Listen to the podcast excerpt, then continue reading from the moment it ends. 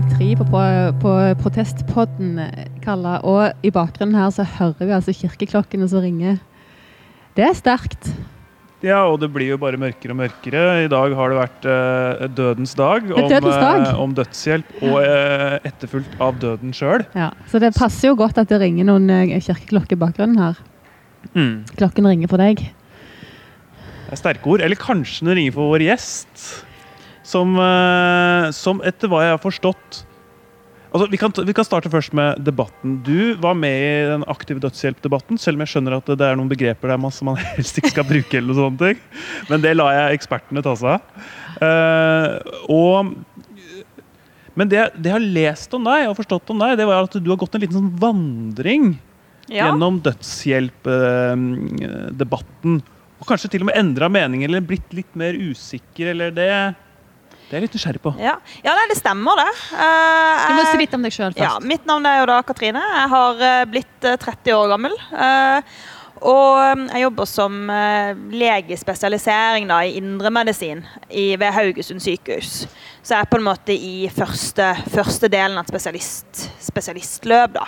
Nettopp. Og, um, Og så har du vært jeg har vært også. politiker. Jeg starta mine ungdomsår i Unge Venstre og Venstre, og var jo aktiv i ungdomspolitikken og lokalpolitikken her for en 10-12 år siden. Ja, stemmer. Leste jeg. Eh, og det var det som egentlig styrte store deler av både tenåring, tenåringsårene mine og de tidlige 20-årene. Så jeg hadde jo på en måte min sånn politiske vekkelse, da, Mm. hvis man kan bruke det. Og det passer jo også når vi nå har nettopp hørt kirkeklokkene, da, i, i Unge Venstre. Og, og det som har liksom vært min sånn hva skal man si, politiske rettesnor har jo på en måte vært de liberale verdiene da, og menneskets rett til å bestemme over seg selv og eget liv da, og sin egen kropp for så vidt også. Og ehm, jeg var, har jo vært med på disse debattene i mitt gamle ungdomsparti, da, som er et av de ungdomspartiene som, som har programfesta at dette er noe de er for.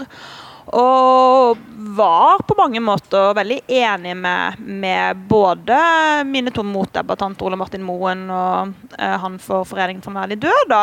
Dette her med, med selvbestemmelse. Da. At eh, retten til å liksom kunne få lov til å bestemme når livet skal ta slutt, det er noe, noe enkeltmennesket bør få muligheten til å få vurdert. Og For det er det tyngste argumentet her, Ja. som, som de ja, det er jo liksom autonomi, autonomi altså argumentet da, som kanskje er det sterkeste, og så har du også barmhjertighetsargumentet på den andre sida. Liksom det å kunne si at nå er nok nok, og, og liksom lidelse, da, som er, som er det andre. Men, men dette selvbestemmelsesargumentet er kanskje det som har vært sterkest og veid tyngst hos meg. da. Eh, problemet da er jo det at det, det glir jo over til å på en måte være noe som du selv skal ta en avgjørelse på, få bedt om å ta en avgjørelse på, til at du på en måte lar helsepersonell da, til syvende og sist være de som bestemmer det. Og for meg så er jo det For de skal egentlig ha siste ord i den Ja. aktive Ja. dødshjelp-tanken. Ja, og alle modeller som har, eh, som har dette som, som Altså alle land hvor dette her er lovlig, da, så er det jo en nemnd, da. eh, som ofte består av lege, psykolog eller andre helsepersonell, da, som til syvende og sist bestemmer ja, nei, da. Så det som skjer, det er at et menneske som da er eh, alvorlig sykt, har ganske mye smerter, det er lite håp om at ting skal bli bedre, de sier selv at de ønsker eh, dødshjelp. Mm. Og så til syvende og sist så avgjør da eh, en nemnd Ja. Ja. etter dette her. Ja. Og for meg så blir det da litt sånn Da, da faller litt det der autonomiargumentet litt Altså det faller litt til, til, til gulvet, da. fordi da er det jo ikke en reell selvbestemmelsesrett. da, For da er det jo noen som, som bestemmer for deg, da. Og da er det på en måte litt todelt, da. fordi For det første så syns ikke jeg at jeg som lege eller helseperson for det første har altså Det er en byrde jeg ikke har lyst til å på en måte ha. da, og liksom Sitte og vurdere hva er altså Hvor liten er nok lidelse da, til at eh, man skal kunne klare å oppnå siste At nå er, du, nå er du på en måte, nå lir du såpass eh, mye at nå skal du bare få en siste sprøyte. og Nå setter jeg det veldig på spissen, da, men, men altså, det ansvaret ønsker jeg ikke å ha. Og, og jeg synes også at det, det, er ikke, det er ikke reell selvbestemmelse heller, da. Men betyr det at så, nå, ok, så vi snakker nå om retten til å bestemme når du sjøl skal dø. Mm. Og vi har jo hatt en, en debatt om dette tidligere i dag, der man har gått gjennom på en måte alle de forskjellige variantene av Mm. hvorfor er det en ting Mm. man ønsker seg. Noen ønsker seg, hvor mange i Norge som ønsker seg det. Um, alle de etiske problemstillingene rundt det, forskjellen på aktiv dødshjelp og, og ikke fortsette livsforlengende behandling. Sant? Vi har Mm. vært gjennom ganske mye av Mm. det i dag. Mm. Og det kan jo bli en sånn teknisk ting. Mm. Em, men sånn som jeg forstår deg rett på argumentasjonen, så betyr det egentlig at du er mer for prinsippet bak aktiv dødshjelp enn sånn det går an å praktisere det, og derfor så er du imot det. Ja.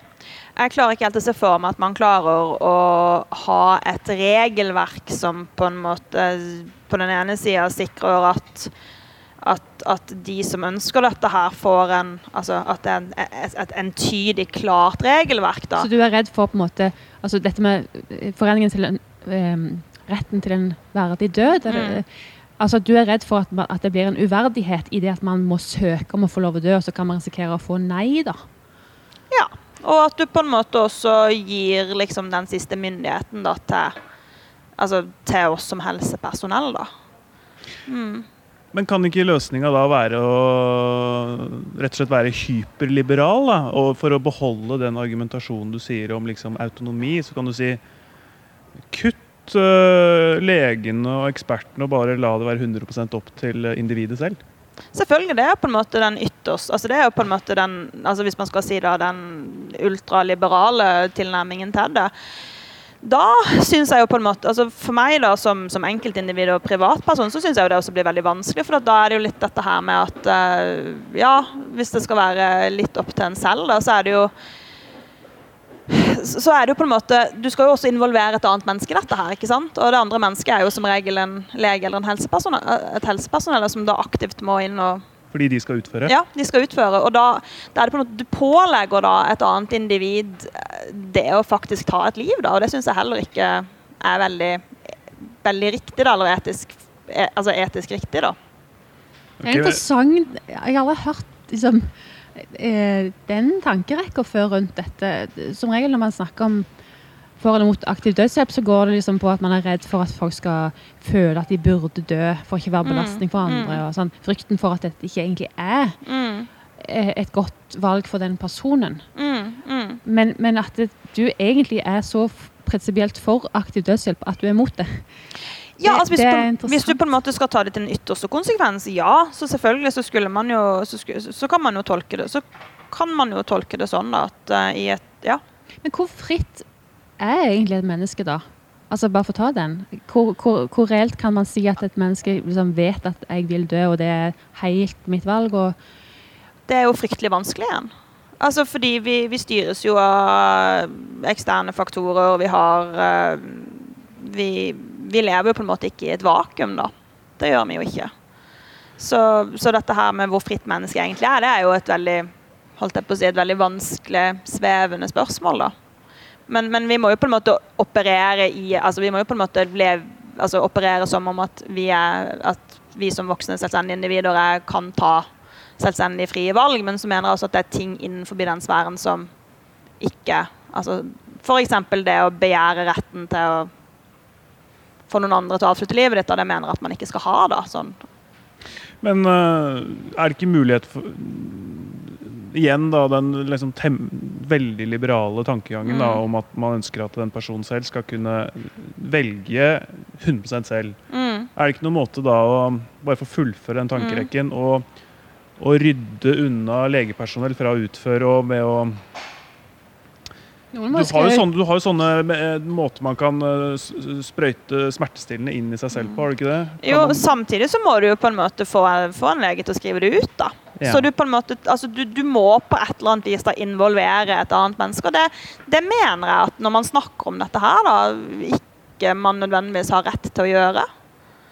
Altså sånn, altså for meg så blir det veldig paradoksalt da, at man skal kunne Ja, at du har lyst til å dø, men du ber meg, eller du ber en annen om å på en måte Mm. å få hjelp til det, da. Eh, Kan jeg bare spørre om en Mm. ting? Eh, Du er jo lege, sier du. Mm. Um, har du noen for, for Nå snakker jeg om dette på et veldig teknisk nivå. Mm. Og, Mm. og dette er jo snakk om Altså, jeg har grenet et par ganger allerede i dag. Mm. Eh, fordi det er så sterke ting å snakke om. Mm. Eh, folk som har det skikkelig vondt, og som bare har lyst til å avslutte livet. Og det i seg selv er jo trist. Det er forferdelig at noen har det Ja. sånn. Og også kanskje folk som ikke eh, har lyst til å dø fordi at de er så gamle heller. Altså Mm. Det kan være folk som har sykdommer som er helbredelige, og som, Ja. har, som lever med store smerter. Ehm, så på en måte, hvis man går ned ifra tek teknikken i dette Har du sjøl noen befatning, erfaring med å stå nær folk som, som er på, på slutten av livet, da, eller som står i en sånn situasjon der, de, der dette er reelt? Ja. Kan du si litt om det? Uh, ja, det har jeg jo hatt, og det, det er jo fryktelig tøft. Altså, i, som lege, og spesielt også innenfor indremedisin, så møter vi jo veldig ofte på disse, disse dilemmaene. Eh, men, men da er det også litt sånn Min rolle som lege, og for så vidt også som medmenneske, er jo først og fremst å prøve å lindre og helbrede og møte dem som et medmenneske. Og jeg syns også det er veldig altså, og, og det er ufattelig vondt. Og det er, det er ikke Altså, det er det er liksom det å prøve å være menneske som, som, er, som er vanskelig. Men, men, så er det også litt det at som lege og fagperson så har vi også veldig mange verktøy ikke sant, til å nettopp å møte dette her. Da. Vi har eh, vi har gode medisiner, vi har, mulighet, vi har behandlingsmuligheter i dag som vi kanskje ikke hadde for 10-15 år siden. Når det er sagt, så er det ikke alltid vi kommer i mål med det. Men da er det også litt dette her med å være ærlig på hva man kan klare å få til. For vi klarer å få til veldig mye. Og da er det det å prøve å være ydmyk, være ærlig på hva, hva en har muligheten til, og prøve å møte mennesker der de er, da. Jeg er litt fascinert av, hvis ikke du skulle inn på liksom akkurat dette, følge opp det. Jeg skal bare spørre om en ting. Ehm, For noen mennesker er jo veldig imot aktiv dødshjelp. Mm. Og si at dette er ikke et ansvar som mennesker skal ha, og det, vi bør ikke gi folk engang muligheten til å ta Mm. stilling til dette, fordi eh, det er en ekstra belastning for de i det hele tatt å Mm. få et sånt valg. Mm. Forstår du de som sier det? Ja, det forstår jeg veldig godt. Uh, jeg har, og det er også et argument jeg på mange måter kan slutte meg til òg. fordi du pålegger jo også oss en form for byrde, da. En, en, altså det å faktisk aktivt gå inn og avslutte et liv. Og, og jeg tror man skal være veldig forsiktig med å, å, å si at nei, men dette er jo avgjørelser vi står i hver dag allerede. Men dette blir jo på mange måter noe litt annerledes også. For at ved å tillate aktiv dødshjelp, så vil vi jo aktivt gå inn for å avslutte et liv, da. Og det er jo en Det blir jo en byrde på oss som vil måtte stå i de situasjonene, da. Ja, jeg tenker på, altså, Hvis jeg var i den situasjonen Mm. sjøl, og, Ja. var, og var Mm. dødssyk, eller av andre Mm. grunner da ville kunne fått et sånt tilbud, hvis det var lovlig. Ja, nei, det, blir jo en, det er jo en forferdelig Jeg, jeg, jeg syns jo det er en veldig byrde å pålegge de som er dødssyke. Jeg syns ikke at nødvendigvis det er noe som som man Altså, jeg, jeg tror ikke det er en jeg tror, ikke, jeg tror for veldig mange så vil ikke det være en, en, en lettelse. Jeg tror også det vil være, som du sier, en, en større byrde. Men er det at du har blitt har du si, eldre, Ja. eller er det det at du har jobba som lege som har gjort tror, at du har jeg deg? Jeg tror det er det at jeg har blitt eldre, og, og at jeg også har fått Altså at jeg har hatt noen år nå hvor jeg har jobba, og du ser på en måte nyansen i det, da. Du ser eh, hvor mye tvil det kan være når livet går mot slutten. eh, hvor smertefullt det kan være, både på det psykiske og det fysiske plan. da. Og ja. Hvis jeg skal ta på meg, ta på meg litt sånn kristenkonservativ Mm. hatt nå, Mm, Det må du så, gjerne gjøre. ja, det, må jeg, det, det gjør jeg med glede, si. mm, Eh, Så, så vil man jo kunne si at legepersonell er jo allerede med på eh, aborter, og det har jo også, er jo også en slags sånn livsfjernende mm, mm. greie, Mm. om det er lov å si. Så, så, så, så det kan jo argumentere for at dette er jo noe av livet til helsepersonell allerede på et vis. Eller er det ikke det samme, mener du? Jeg syns altså, både ja, altså, både ja og nei. Jeg syns jo når man snakker om retten til selvbestemt abort, da, så er det jo Altså Det kommer litt an på hvordan du ser på det, da, men da er det jo noe som altså Det er det på en måte til syvende og sist da, fram til uke tolv kvinnens valg. altså Man har jo satt en veldig sånn klar grense på at uh, etter uke tolv så på en måte får fosteret mer og mer livsvern, og før uke tolv så er det på en måte kvinnens selvbestemmelse som, som, som står i, i, i førersetet. Uh, og, og, da er det jo kvinnen som til syvende og sist har det siste ordet, ikke nødvendigvis legen, men, men, at det er tøft å stå i det som lege og helsepersonell har ingen problemer med å forstå. Men jeg, men jeg syns på en måte det er to litt forskjellige ting. da, fordi at her snakker vi om, om f.eks. et menneske som er i live, og pga. en uh, avgjørelse eller en handling uh, en som altså, jeg som helsepersonell gjør, da, ikke er i live lenger. Versus noe som, alt etter hvordan du ser det, da, Eh, noe som er en del av en kvinnes kropp. da. Ja. Men det vil ikke kanskje en kristen konservativ være enig i, da? Nei. Nå, jeg hadde ikke tenkt å gå for mye inn i akkurat den debatten der, men det er jo selvfølgelig et større spørsmål, som du sier. Mm. Ok, det var en spennende prat eh, med Katrine Hald, som er lege, og som vi um, har uh, prøvd å nøste litt opp dette med aktiv dødshjelp. Og det er jo litt sånn artig, kanskje feil ord, men vi er jo ikke så gamle, Kalla. Verken du eller meg eller, eller vår gjest Katrine. Så jeg er litt imponert over at hun, eh, at hun tenker disse tankene om, eh, om dødshjelp. Fordi jeg, eh, jeg, jeg, tror jeg er seks eller sju år eldre enn henne, og jeg har, ikke, har nesten ikke tenkt på akkurat det dilemmaet. Nei, Vi tenker jo kanskje litt lite på døden sånn generelt. Men hadde du levd for 200 år siden, så hadde du nesten vært død nå. ja, da, da, hadde du hatt en 15-20 år til, ja, og så hadde det vært over. Da hadde du vært heldig. Ja. Vi, uh, vi, skal snakke om døden i dag. Det er jo et uh, Ja, det er spennende, syns jeg. Å bare ha OK, midt i uka, onsdag, døden. Så vi bare kjører på videre med neste gjest. Ja, for da eh, går vi går rett på går døden. Rett på. Da. da er det ikke aktiv dødshjelp eller noen sånn sidespor. Vi går, vi går, rett på. Ja, fordi at Nils Erik Forsgaard, velkommen til deg. Takk. Eh, du har jo skrevet ei bok. Du er altså finlandssvensk dosent i idéhistorie ved Helsingfors universitet. Og har skrevet ei bok som heter 'Dødsmasker'. Eh, og Der sier jo du eh, en del om dette med døden som gjelder alle mennesker, egentlig. Fordi er det noe vi vet alle sammen, så er det at vi skal dø. Ja, så, så, er det absolutt. Nei, eh, nyk Nøkkelen til denne boken er vel just idéhistorie og begrepet idéhistorie. For sysler man med idéhistorie, så tvingas man mer eller mindre syssla med döden ur olika synvinklar. Och, och, jag menar, döden är ju högst teoretisk naturligtvis när man sysslar med historia. Talar vi om fem, menar, 500 år eller talar vi om 200 år eller 100 år så det teoretiska teoretiska resonemang, men, men det är ju inte bara människor som dör, utan det är också kulturer som dör, som vi vet, civilisationer som dör, den romerska och så vidare. Så att död möter oss i väldigt många olika former hela tiden. Och, och I den här boken så har jag försökt kombinera då idéhistoriska resonemang med mera privata självbiografiska anslag och kommentarer och så vidare. Så att um, en, en skön blandning om döden, med betoning på kön, snarare än döden. Hvorfor skal vi tenke på døden? Nei, men det, ja, Jeg vet ikke om man må tenke på døden, men det fins f.eks. en app som heter We Croak, som betyr betyder vi, vi kolar vippen eller vi, vi dør eller noe sånt liknande. Og om man installerer den appen på sin telefon så blir man eh, fyra eller fem ganger jeg tror det er fyra ganger i dygnet, man på, får man et litet meddelande det, der det står Remember you are going to die. Memento mori. Memento mori.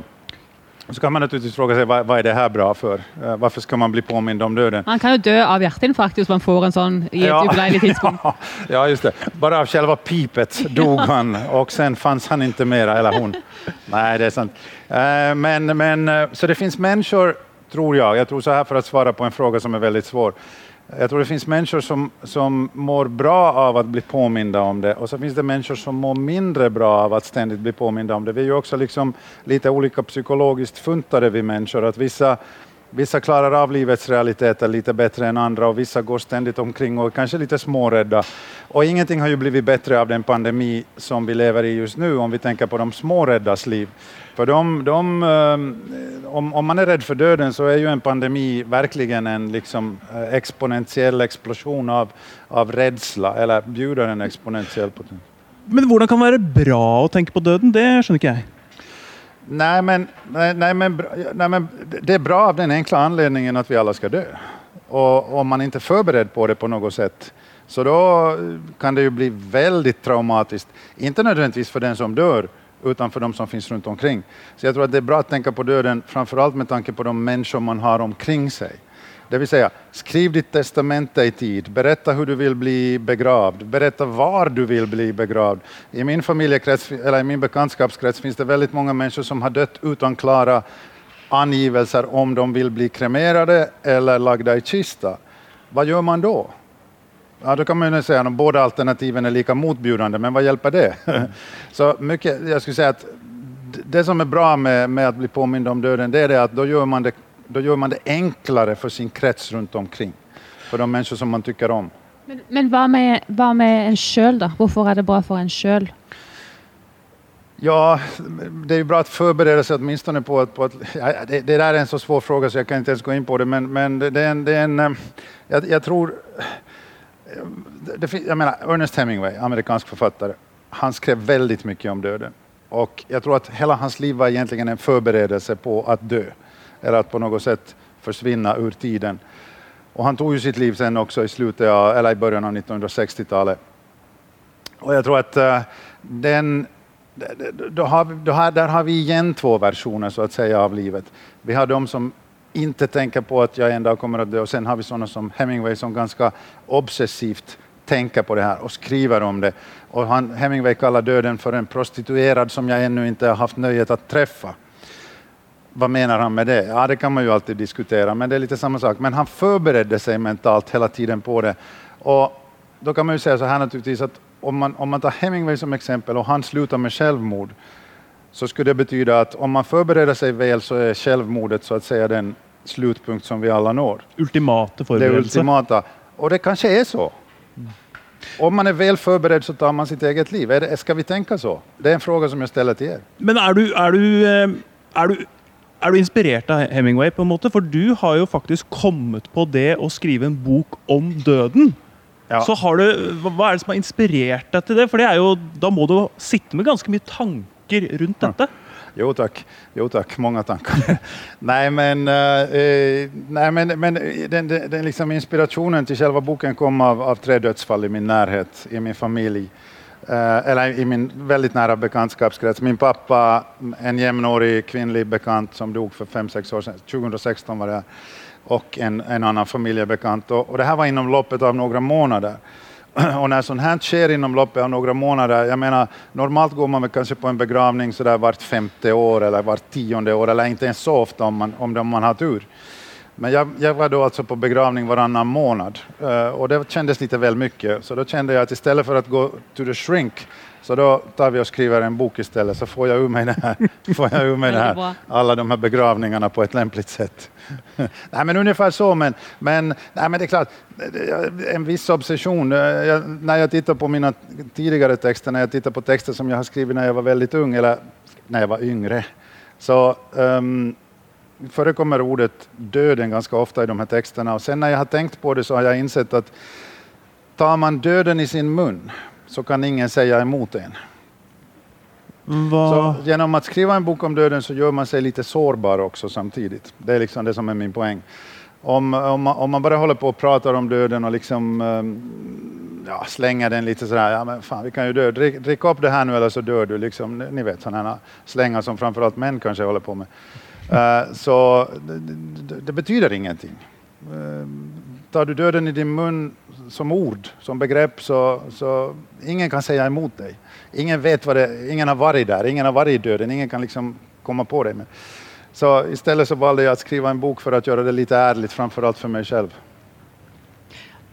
Det er jo ja, jeg, tenker på veldig mange forskjellige ting når du snakker nå. Eh, vi er jo på Sørlandet, vi kan bare gå, gå dit med en gang. Eh, Bibelbeltet i Norge. Eh, der det med å, å dø for mange er knytta til å stå opp igjen på den andre siden. Altså livet etter døden. Og eh, Du vet jo ikke det, men vi har jo prata litt i podkasten om vår bakgrunn. Eh, vi har begge bakgrunn fra kristne miljø. Eh, Og du snakka jo litt om denne forskjellen mellom eh, Du brukte annen verdenskrig som et sånt skille. Før det så hadde verden, eller Vesten, et sånt klart bilde eller et, eller et håp, eller liksom i hvert fall en tanke om en himmel. Mens det har skjedd et lite skisma, et skille. Uh, Ja. Sorry, fortsett. nei, det var akkurat det jeg ville. Nei, men exakt, men så er det. Så det, det er min tolkning og jeg tror at den deles av veldig mange. at fram til fram till andra världskriget ungefär, fram till 1950-talet kan man säga, så finns döden väldigt närvarande i många människors liv. Och tittar man till exempel på på målninger fra 1500-tallet eller 1600-tallet eller til og med 1700-tallet, ganske langt fra, eller fra- opp til opplysningens tidevarv så kan man konstatera at sorg manifesteres i form av himmelsblå klær. Det Si, ikke inte i form av en sånn svart skjorta eller t- t-shirt som jeg bærer, utan himmelsblått for det symboliserer så å si hoppet, oppståndelsen vidare. Jeg har faktisk på meg himmelblått i dag, for de som hører på nå. Så det Ja, du har det, ja. Det, det er veldig vacker färg. Eh, och jag går klädd i svart precis som om jag skulle ha sorg eller något sånt här. Men svart har ju blivit en po populärkulturell uh, färg eller vad man ska kalla det. Men uh, jag, jag tänker ju ofta så här då att eh, färgen svart är ju på något sätt fel i sammanhanget. För om man går klädd i svart till begravningar så då indikerar man ju att man indikerar liksom lite tröstlöshet. Lite, lite i motsats til det himmelsblå, som jo er hoppet.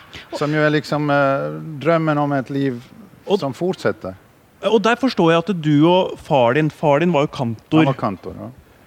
Eh, Blir du i den forbindelse litt sånn sjalu på din far, jeg, som, som hadde denne litt sånn enkle troen med dette himmelhåpet og sånne ting, som på en måte kan gjøre det, døden litt lettere å fordøye? Ja, det, om det? Jo, det, det, det, det, absolut. Han, jag, jag tror, du har rätt, det är en bra fråga. Jag, jag tror att eh, man kan vara lite avundsjuk på honom och man kan konstatera att han gick, han gick ganska lugn in i nästa liv. För han trodde, som små barn tror, en enkel kristendom, en enkel kristen lära. Det finns en fader i himmelen och alla vi människor som lever på jorden är hans barn. Och det tror jeg var min pappas religion. Eller det var min pappas religion, det vet jeg. Den formulerer han. Og absolutt, absolut, det kan, det kan man være litt avundsjuk på. Og, og jeg, tilhører, jeg tilhører selv inget religiøst samfunn just nu, men jeg har, jeg har jo tilhørt kyrkan, den kristne kyrkan. Jeg har, jag har samtaler med rabbiner om judendommen, som jeg også skildrer i min bok. Um, og, og liksom, jeg har forsøkt hantera de her spørsmålene, men uten å være koblet till något samfund eller något liknande. Så att religiösa frågor försvinner ingenstans hur man än vänder och vrider på dem. De kommer man inte undan i vår västerländska kultur. Det finns ingen chans. Man kan, sen kan man förhålla sig till den så att säga officiella skattefinansierade eller statsfinansierade, vad man nu vill kalla kyrkan på olika sätt och till olika kyr- kyrkliga samfund och så vidare. Ehm, men jag- det, är en mycket svår fråga och det är en mycket bra fråga. jeg Jag, ehm, jag skulle gärna tro på samme sett som han trodde. Du skulle det. Jeg skulle gjerne gjøre det, men jeg kan ikke. Og, nå har jeg lyst til å skyte inn, for jeg fulgte veldig med på debatten tidligere når du snakka om dette med eh, Iliaden. Eh, altså, det måte to kategorier. Eh, det finnes de menneskene som tror at det finnes et liv etter døden, og så finnes det de som ikke tror det. Og det, på hvilke, altså, for det er oppfølging til det som jeg begynte å spørre om, og det er at eh, i mitt eget liv så har jeg gått ifra å være veldig sikker på at det fantes et liv etter døden, og så har jeg vært veldig i tvil. Og det var en veldig interessant reise for meg, fordi i det i, i den runden da når jeg tenkte sånn, kanskje det faktisk er slutt når jeg dør, så gjorde det ganske mye med hvordan jeg gikk rundt i hverdagen min. Det påvirket meg ganske sånn sterkt. Kan du relatere til det på noen måte? Jag kan absolut relatera till det. För tänk, om, man, om man skriver en bok om döden för det första så måste man relatera till det. Och sen för det andra också tror jag att jag har gjort det väldigt länge. Och jag har i, min, I min nära krets har jag också haft människor som har tagit livet av sig, som har begått självmord. Och då, då, om, om inte förr, så när människor tar sitt, begår självmord, så då tvingas man reflektera kring de här stora, djupa, riktigt svåra existentiella frågorna. Vad kommer efter? Eh, varför gör man så här? Och så vidare. Så att, absolut, det, det, men det är en, eh, den, religiösa, den religiösa problematiken ligger till grund för också den sekulariserade människans världsbild. Vad det, är du med det? det? Är så man måste kunna. Också en sekulariserad människa, en ateist, måste förhålla sig till religionen, till kristendomen, till de berättelser som finns i Bibeln. Det finns ingen chans att komma undan det. Vi är impregnerade. Men grunden till til at jeg spør om dette, det er at det, at jeg tenkte at det ikke er noe mer når vi, når vi dør, det var på en måte et slags livseliksir for meg. Det var akkurat som at jeg plutselig Oi, det er nå det gjelder. Det er nå jeg virkelig må liksom ta gripe dette livet og få mest mulig ut av det. Ja. Så du kan At det ikke er forretten, men hovedretten. Ja, at det, det er nå det skjer. liksom. Det er nå det gjelder. Og, og jeg har tenkt noen ganger at det, det håpet om et liv etter døden For det første, det vet vi ingenting om. Vi vet jo bare at vi lever nå. Em, for noen mennesker så kan jo et håp om et liv etter døden gi veldig stor trøst hvis de føler at, de, måte, at noen har dødd for tidlig, eller at de har hatt et veldig vondt liv, eller at ting ikke ble sånn som de ønska. Men for andre mennesker så har jeg lurt noen ganger på om det også er en slags utsettelse av å leve akkurat nå, da. At det handler om F.eks. i et veldig religiøst miljø at ja, vi må i hvert fall sikre, sikre oss et liv i himmelen. Og At det kan kan være passifiserende. Yes, og at vi også kan på en måte leve litt med bremsene på fordi vi er redd for å gå glipp av det evige livet. Jo, så det er eh, et dilemma der som jeg lurer Absolut, absolut. Og nå skal vi i denne podden ikke gå inn i de riktig store spørsmålene, men jeg vil bare si en sak. og det, fins jo et revolusjonært element i drømmen om et liv efter dette, må man komme ihåg. For den kristne drømmen om et liv efter dette bunner jo i tanken at noe er fel på jorden. på. Nettopp. Og hva følger av dette? Jo, det følger en revolution. Den kristna berättelsen handlar om Jesu återkomst, Kristi parousi. Det handlar om att jorden ska göras ny och ett nytt Jerusalem. Och hela den grundtanken är otroligt revolutionär. Hur man än ser på det och vilket perspektiv man än anlägger på det så handlar det om en revolution i borgerliga förhållanden. Och det här är mycket tydligt på 1800-talet, det försvinner under 1900-talet efter andra världskriget.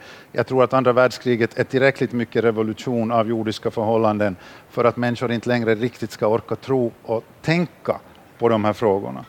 Så att på ett annat plan än det du beskriver som din individuella resa här, så finns det också en samhällsberättelse där den revolutionära aspekten är väldigt intressant och som inte beaktas tillräckligt mycket. För också på det private planet handler det jo om en revolusjon, oberoende av hvilken vei man går. Tror man på livet efter dette, eller slutter man tro på livet? Det er jo en privat revolusjon. Men overfør det også til samhälleligt plan om du tenker på Bibelens berettelse. Jeg tenkte også at du um, du, du nevnte at du, du, du kunne være litt sjalu på din far. At det virka som en veldig sånn At det er noe sånn trøstende En og behagelig en å hvile. ja. ja, på, på en slags himmel. Men samtidig, når jeg satt uh, i salen her i stad og hørte på deg, så snakka du også om uh, dette liksom dette, Denne sekulære døden, hvor du snakka om Nærmest som en dør som man går inn i, hvor du ikke vet hva som er bak. Altså det totale uvisse. Og det høres nesten litt sånn Kristenfolket snakker jo om dette med, med himmelen som et håp, men det virker jo litt sånn håpefullt, eh, det du snakker om, òg, med det litt sånn uvisse. Du vet ikke hva som er bak. Altså, det blir Ja. spennende å se. Det kan jo være noe gøy. Altså, Det fins en, sånn en sånn potensial Det en sånn potensial i det, eksakt, som du er inne på. Og det, og det som jeg skriver om i min bok handler veldig mye om just ovissheten. Men ovissheten behøver jo ikke være negativ. Den behöver ju inte alls indikera att någonting negativt följer. Den kan ju också indikera att någonting positivt följer. Det är ju 50-50. Det är, liksom, det är ju lite så, om vi talar, talar sånt nutida språk. det er som å hive opp en mynt. Ja, det är lite, lite grann sådär. Men, ja, men ni förstår vad jag menar. Är. Eh, Ni behöver inte hålla med mig, men jag nej. hoppas ni förstår vad jag menar. Absolutt. Og, och, och. nå er vi jo Nå avbryter jeg deg midt i en, et resonnement, men hvis du holder på det Nå er det jo foran, kristen, altså Religion har også forandret seg. Det er jo veldig på en måte Helvete er jo avskaffa i, i mange religiøse miljøer. Så før så kunne jo det å dø være forbundet med angst også. At, altså En ting er jo at det ikke skjer noe når du dør, men det er jo på en måte dermed ikke noe å være redd for. Og da er det slutt. Men, men frykten for at du, du kommer til et evig liv som du ikke har lyst til å ha, da. Ja, absolut. Eh, ja, ja, på tal om det her med ovissheten ennå, så et, et, centralt kapittel i min bok handler om Ingmar Bergmans film Det sjunde inseglet. Det, ja, Det sjunde inseglet heter det. Og um, där sier døden, der får döden en fråga at vad, hva, hva, er, hva er, mysteriet med döden? Vad finnes du her, säger den här riddaren Antonius Block til döden då, som er en svartkledd gestalt. Så svarar döden, 'Jeg er ovetande. Och det här tycker jag är en så fasligt svar. Det är ett fasligt svar. Hva betyr det? Fasligt. Uh, eh, fruktansvärt. eh, motbjudande. eh, Grusomt. Ja, grusomt. Ja, precis. För, för det, och, och jag tror att många människor tänker lite så här. Och, och, det, och det som jag märker när jag har studerat nu döden, då, också ur ett idéhistoriskt perspektiv och också privat perspektiv, är ju hur mycket osäkerhet den skapar runt omkring sig. Eh, Jag, jag talar än om det här vikten av att göra testamenten. Och det, det, det, gör man ett testamente så minskar man osäkerheten åtminstone lite grann. För det är så annan, mycket annan osäkerhet som finns runt omkring. Det här är ju, det är ju en praktisk dimension naturligtvis, det där med testamente. Men sen den liksom, eh, emotionella osäkerheten som finns också, den så att säga existentiella osäkerheten som föds kring varje dödsfall egentligen. Kunde vi ha gjort någonting annat? Frågetecken. Um, vill den här personen ha den här morfinsprutan eller inte? Frågetecken. Hon som ligger där som inte kan svara själv. All den här osäkerheten, allt detta. Sen också frågor om var ligger Mozart begravd? Osäkerhet, ingen vet och så vidare. Så att ett genomgående drag, om det är någon insikt som jag har kommit fram till när jag har skrivit den här boken, så är det just den enorma osäkerhet som döden sprider omkring sig. For det skulle jeg til å spørre om, faktisk. Om, om dette med å ha tenkt og skrevet uh, om døden. Om det har gitt deg Har du blitt uh, Har du lært noe? Og har du, har du lært å takle tanken om døden bedre? Kan du gi gode råd til dine nærmeste? Altså, Ja. nej, nej, helst ikke gode råd. Det, det, det, det skal man avholde seg fra. Men skal vi si så her, jeg, jeg, jeg, jag tror, men jeg har alltid vært en glad menneske. Jeg, jeg er i grunnen en glad menneske. Men det, og, og, og, det som jeg tror at det ytterligere har forsterket kanskje gjennom å skrive om døden, er liksom gleden. Det er interessant å si. Si, Ja. ja, si litt om det. Det, det, har liksom, ja, det har intensifierat livskänslan. Det har intensifierat känslan av att verkligen finnas till. Att inte behöva ha den här... äh, Liksom, jag har kommit bort från det här med att man påminnelsen om döden liksom var fjärde, fyra gånger i dygnet eller något liknande. Jag har skrivit av mig allt det här. För mig, för mig var det liksom, jag skrev av mig döden så nu kan jag dö ganska lugnt, känns det som. Även om jag antagligen inte kommer att göra det, men det känns så. Och, så att för mig så är det ju, det är ju nästan, vad ska vi säga, det låter ju lite, det låter lite högtravande, men det är en slags terapi helt enkelt för mig att skriva den här boken, har blivit, eller blev. Det var inte tanken när jag började. För när jag började så var det ett tvång att skriva av sig händelser som hade skett i mitt liv. Men vartefter som det drog ut på tiden och vartefter som det var svårt att formulera tankar och sånt. Eh, Den här boken tog väldigt länge att skriva. Jag brukar skriva en bok på ett år ungefär. Den här tog nästan fyra år att skriva. Det beror på temat också. Men vartefter som den här processen drog ut på tiden så tvingades jag också tänka, gå tillbaks till formuleringar, ändra formuleringar som kanske var lite för klatschiga för de var inte sanna. Så jag skulle säga att om man återgår till Hemingway, han sa att konsten är att skriva en enda sann mening. Och ur den synvinkeln så är min bok om döden består av väldigt många sanna meningar. Den är väldigt ärlig. Den är mycket mer ärlig säkert än någon annan bok jag har skrivit. Också om Hemingway. Da tror vi kutter der. Ja, tusen takk til deg. Det var utrolig interessant. Takk. Dette, her, eh, dette er en spennende dag, syns jeg, på Protestpodden. Snakke om døden. Det er ikke Det er ikke Hva skal jeg si Det er ikke sånne ting som man snakker om så ofte, kjenner jeg. Nei, og jeg tenker mye på det. Jeg tror, jeg tror ikke jeg gjør det. Tenker du mye på det? Altså Ja Høres kanskje rart å si, men ja, jeg gjør egentlig det, altså. Fordi um, Etter at jeg liksom slutta å være sånn brennsikker på at det fins noe etter døden, så begynte jeg å på en måte tenke Eller at jeg har lest liksom, liksom buddhismen de siste årene, og de er jo veldig opptatt av at eh, at du liksom At du på en måte må dø hele tida. Døden kommer, døden går. Noe sånt. Nei, men at liksom at det, Sånn som han var inne på på slutten her, at det, på en måte, når du forsoner deg med at du skal dø, det er jo sånn da det begynner. Det er da du begynner å leve, da. Um, jeg har jo skrevet, nå reklame for meg selv, jeg har skrevet en bok som heter 'Jeg lever ikke lenger selv'. uh, som tar utgangspunkt i et bibelvers. Uh, Jeg har lest den. Veldig bra. Og, og, og klart, det var jo destruktivt for meg eh, på en måte og ble til en sånn undertrykkende måte å leve på. Men, men hvis man forstår den eh, det kanskje Paulus egentlig prøvde å si riktig, så er jo han en slags buddhist. Fordi han mener at eh, idet du på en måte gir slipp på ditt eget, så, så får du liksom livet. da. Så Jesus også sier den som mister livet sitt, skal finne det. da. Og det tror jeg jo på, selv om jeg ikke kan vite noe om hva som skjer når vi dør. Så sånn sett så Hvis en på en måte tar døden inn som et sånt Det er jo ingenting som er gøy hvis det aldri tar slutt. Eller? Bare, hvis du spiser softis, er jo det digg, men det er ikke liksom digg hvis du får det hver dag liksom 24 timer i døgnet. Nei, men jeg vet ikke helt om jeg catcher At døden sammenligningen. handler ikke bare om når dette livet tar slutt, men at døden er en del av livet. Ja. Det var fint sagt. Jeg, altså, ja. Jeg, jeg går da i en, eh, en sprek kirke som heter Hillsong, og der sier de noe som jeg syns er litt svett, som heter 'The best is yet to come'. Oh. Og det er litt sånn eh, Det blir litt mye sånn prosperity gospel for meg, men, eh, som det heter. Men, men, det, men om, om, om det med etterlivet, så sier det noe som jeg syns er fryktelig behagelig. Og det Behagelig er at, eh, eller ubehagelig? behagelig. Ja. At, eh, at, vi er, at jeg lever kun i en eh, Dette er kun forretten. Og at, liksom, at jeg har noe å glede meg enormt til. Det gjør at jeg slapper av veldig godt i livet òg. Det er Ja. ingen grunn til å være noe redd. Mm. Det er eh, Så jeg Jeg syns jo at det At det har gitt meg en liksom ro og hvile, da, kan du si. Ja, det er interessant, for det kan på en måte som sagt slå begge veier. da.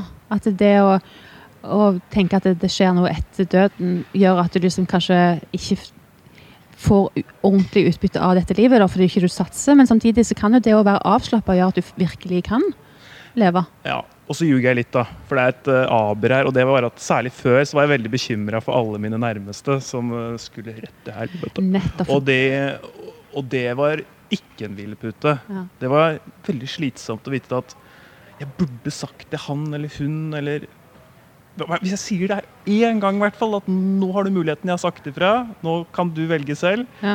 Og hvis, men hvis jeg følte at The worst is yet to come. ja, the det? worst is By the way. men, men Vi skal jo snakke om vekkelse her senere i uka, så det, dette er jo veldig på tema.